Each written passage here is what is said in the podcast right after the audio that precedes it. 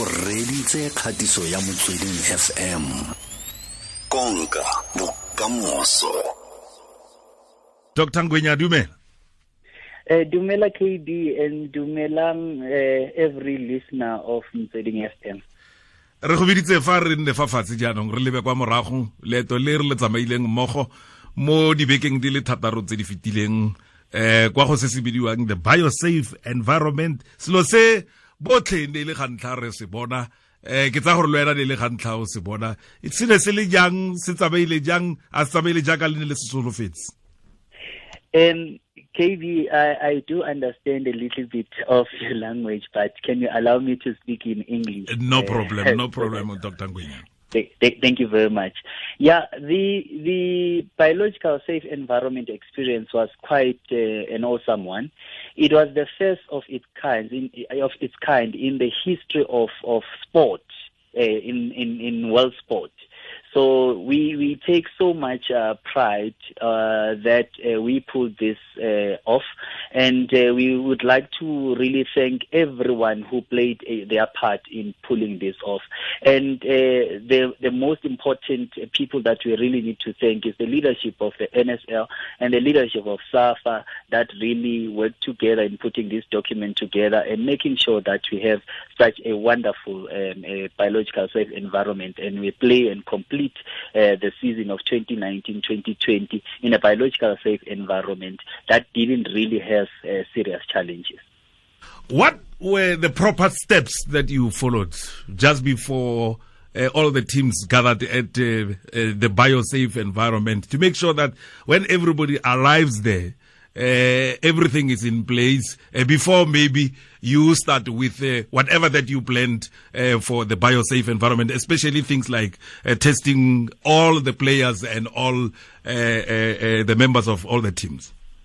Yeah, just just to recap, KB, um, I, I think I was in this platform just before the biosafe environment.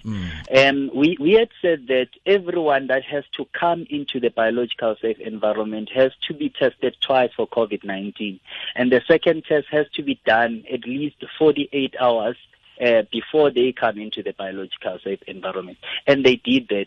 Over and above that, they had to undergo medical screening for all um, comorbidities that they might have. So that was done. They had to do ECG and peak flow to make sure that their lung and, lungs and heart are fine. And that was fine. And everyone who came into the biological safe environment had to do that. The players, the technical and support staff, the hotel staff, the, the production team, uh, the match officials, and the coordinators from the PSL. Everyone, the bus, bus drivers, everyone had to undergo through uh, that process. It was quite a, a, a heavy process.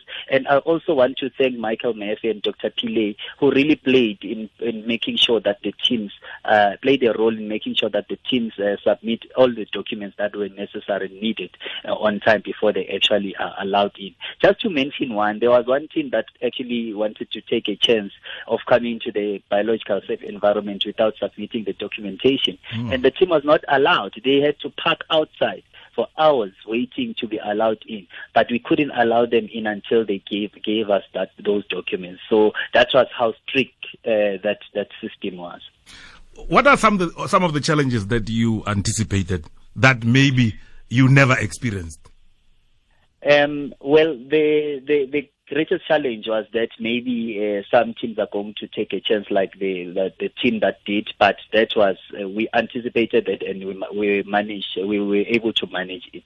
The other things that we are anticipating that might possibly happen, uh, because now we are bringing people together, is the outbreak of of flu because it was flu season. We, it was an outbreak of of diarrhea. Remember that food had to be prepared in a central place and then distributed to all the the hotels of the bio bubble. So we, we, we actually thought that might happen. But fortunately, nothing of, of, that nature happened. But the one thing that really we did uh, not uh, pay much attention to and much emphasis to is the fact that uh, that the, the biological safe environment is a different was a different uh, situation altogether to the players, and uh, they had to then go play and uh, go back to the room, uh, go eat, go back to the room. They were confined in a, a sort of an isolated uh, area, just like in prison one would assume. So, so people were enjoying level two while uh, we were at uh, something greater than uh, level five. So, so the one thing that we did not anticipate was the psychological impact on the players because that maybe might have actually influ- um, uh, affected their performance because there was no way of other way of actually dealing with maybe say you have lost a game then you need to go back maybe have a deep brief and then maybe have someone that you you you really love to talk to or someone that you are close to to talk to face to face. Uh, that aspect we really overlooked and it might happen that it really affected mm. most of uh, the players performances. So that's the only uh, snake that i actually picked up. Any COVID 19 positive cases that maybe you uh, experienced or received during uh, the camp that were never maybe reported? Um, well, yes, we did have a COVID 19 uh, case. There was a team that came, um, and then a match official uh, developed symptoms when they came into the to the bubble. Uh, not a match official, the team official mm. developed a, a, a, symptoms when they are in the bubble. And uh, this is an official that had tested twice for COVID and tested negative, but developed symptoms while they were in the bubble. And they were able to show how effective the system was. We were able to pick up the symptoms quickly, and uh, he was isolated, tested. We got the results within three to four hours, and then we isolated the whole team. Fortunately, they hadn't started uh, training or playing. So we isolated the whole team as well, and then uh, the team was tested. Fortunately, all the team members came back negative, and that official was then uh, removed from the bubble and replaced by another official because they had a important role to play. Other than that, we had other people developing symptoms, but because the, effect, the, the system was so effective, all those who were developing flu-like symptoms, we're isolating them, testing them, and from those that were isolated, none of them actually tested positive. So we only had one positive case, and that was dealt with effectively. e le some le borobong le halofo go tswa ko reng ya bosupa thulaganyo ya mabaleng mo motsweding re buisana le um dr thulaneng ngwenya go tswa ko kantorong ya safa mme re lebelela kwa morago the bio bubble kgotsa the bio safe environment ke lefelo leo le le babalesegile le le phepafaditsweng le go neng go sweditswe gore eh, metshameko e tla tshamekelwa kwa go yona jaaka o bona le metshameko ya di-play off e santse e tsweletse ka fa provinceng ya gauteng mmogo go akaretsa le bakgaolakgang a the Nedbank cup a tla tshamekiwang mo mafelong a beke a tshamekelwa gona ka kwano mo provinceng ya gauteng obviously with accommodation um uh, i think everybody was happy because we know gauteng uh, is having top hotels, or did you receive some of the complaints about uh, the accommodation or maybe food that was served uh, to, to, to the different teams?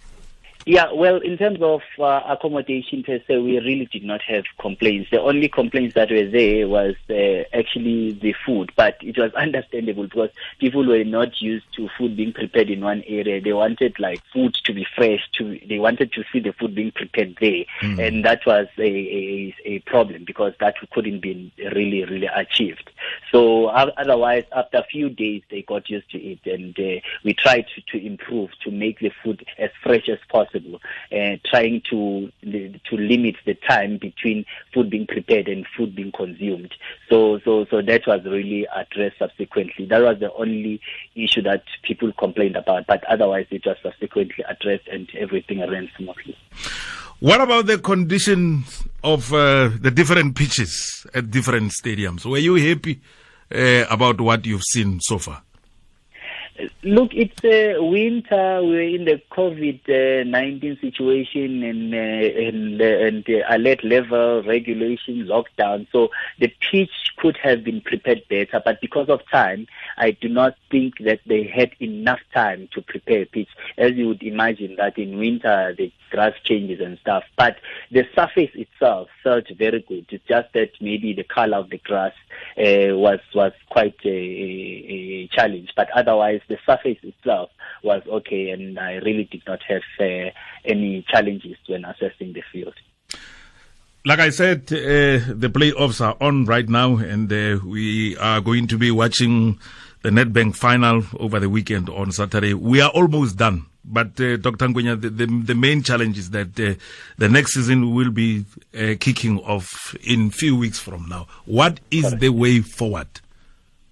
Uh, in terms of the, the new season, um, um, the leadership and authorities are, are busy deliberating, but I can safely say we are not going to go into a biological safe environment for Good. the new season. Good. Yeah, so Good. teams are going to enjoy playing at home and going away. Remember now, the regulations are allowing people to travel interprovincially, so that again is a is, is a good thing. But one thing that we we we still deliberating is the issue of fans.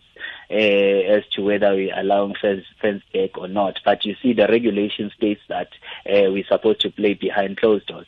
However, uh, it's something that we need to deliberate because one can argue and say um, in a 90,000 uh, capacity stadium, perhaps maybe you can have half its capacity or maybe say 20,000 and then allow people to social distance. But the challenge is that logistically it might be a nightmare because now you might have people all wanting to go in, even though they know that they are not part of the 20,000 that is selected. And when they are in, you know, when, when football is an emotional game and uh, people will want to start singing and they'll want to gather, hug, then it defeats the purpose of social distancing. So that's again, there's, there's just few challenges. Medically, uh, it can be achieved if we can, uh, uh, we can try and allow the social distancing, but when it, when it comes to risk categorization and the issue of, of, of social distancing and logistics, then that might be actually a, a, challenge. But uh, we are still looking into it. There's still deliberations. Hopefully, when the leadership is going to make a decision, and then they can then